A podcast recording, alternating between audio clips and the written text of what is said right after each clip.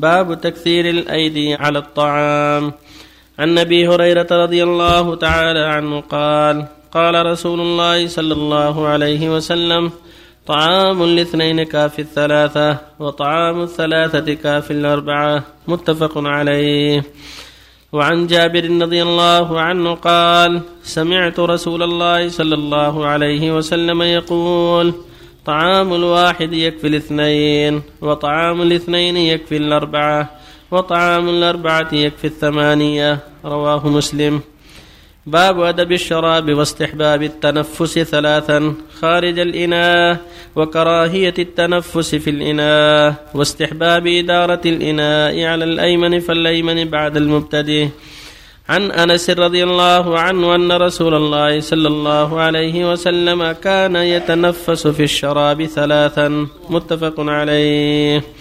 وعن ابن عباس رضي الله عنهما قال قال رسول الله صلى الله عليه وسلم لا تشربوا واحدا كشرب البعير ولكن اشربوا مثنى وثلاث. وسموا إذا أنتم شربتم وأحمدوا إذا أنتم رفعتم. رواه الترمذي وقال حديث حسن. الحمد لله وصلى الله وسلم على رسول الله وعلى آله وأصحابه من اهتدى بهدى أما بعد ففي الحديثين السابقين دلالة على أن كثرة الأيدي في الطعام من أسباب البركة وأنه ينبغي للمؤمن ألا يخاف من كثرة الأيدي وأن كل ما زادت الأيدي في الطعام فهو من أسباب البركة. ولهذا يقول صلى الله عليه وسلم طعام الواحد يكفي الاثنين وطعام الاثنين يكفي الأربعة طعام الأربعة يكفي الثمانية. يعني فينبغي في مثل هذا الاقتصاد والاكتفاء ما تيسر وعدم الشح. فإذا كانوا أربعة وجاءهم خامس وسادس وسابع فالأمر واسع. يكفي الإنسان ما يتيسر من الطعام. هم لازم يشبع في كل شيء. بحسب ابن آدم يسبق من صلبة. فينبغي أن يشرح صدره لمشاركة إخوانه. وفي الحديث الثالث والرابع الدلالة على شرعية التسمية في الطعام والحمد عند النهاية والتنفس ثلاثا فيستحب التنفس في الشراب ثلاثا حتى لا يشرق به. لا يشرب كشرب البعير يعبه عبا مرة واحدة فالأفضل الشرب بتنفس يتنفس ثلاثا أو أكثر أو اثنتين لكن ثلاثا أفضل. ويسمي الله في أوله ويحمد الله في آخره. هذا هو السنة والهادي يقول صلى الله عليه وسلم إن الله يرضى عن العبد يأكل الأكلة فيحمده عليها ويشرب يشربها فيحمده عليها.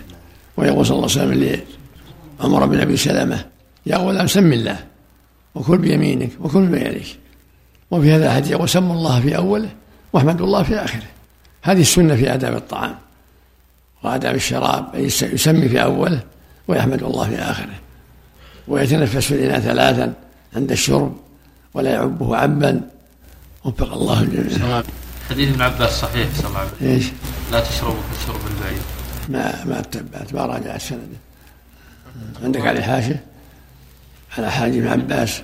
عليه شيء؟ الترمذي وفي سنده يزيد بن سنان أبو فروه الرهابي وهو ضعيف وشيخه فيه مجهول. إذا بعثه الحافظ في الباب. إيه. لكن يكفي عنه. أو يكفي عنه. غيره. كان يتنفس الله ثلاثة عليه الصلاة والسلام. نعم. نعم التسمية عند الرفع والحمد بعد انزال الإناء ما ورد هذا؟ هذا هو. سنة عند الأكل. يسمي في أوله ويحمد الله في آخره. الشرب ثلاث مرات. إيه. لما يرفع الإناء يقول بسم الله وإذا أنزله قال الحمد لله. ثم يرفع ويقول بسم الله. ما ورد الله مرة واحدة في أوله وحمد في آخره. وإذا كرر جزاه الله خير من يمنعه لكن السنة تكفي واحدة. تسمية في أوله وحمد الله في آخره الأكل بالشمال على التحريم عفى الله عنك. هذا هو الظاهر ولهذا دعا النبي صلى الله عليه وسلم الإمام أكل بشماله قال لا استطعت. إذا كان من على يمينه أصغر ومن على شماله أكبر. يستأذن ولا يعطي يعطي لي يمينه ولو أصغر مثل ما أعطى النبي ابن عباس وترك الأشياء. إلا إذا أذن الأصغر إذا أذن الذي عن يمينه أن يعطي من يساره فلا بأس. الله عنك في المجلس يبدأ بالكبير أو على اليمين إذا دخل بالعود أو بالشاي. رئيس المجلس رئيس المجلس وكبير المجلس. أيوه ثم يبدأ بالكبير ثم ثم من عن يمينه الله يحسن عملك. صلى الله عليك. عفى الله عنك للمحتضر وش الهدي إذا المحتضر. المحتضر. عند الموت. أي نعم. يلقن لا إله إلا الله. مثل ما قال صلى الله عليه وسلم موتاكم لا إله إلا الله. ذكر الله عنده لا إله إلا الله. وإذا قالها كه سكت. لين يقول أيوة ثم يسكت. إذا, قالها كفى ثم يغمض عيناه. إيه، عند عند خروج الروح إذا خرجت الروح.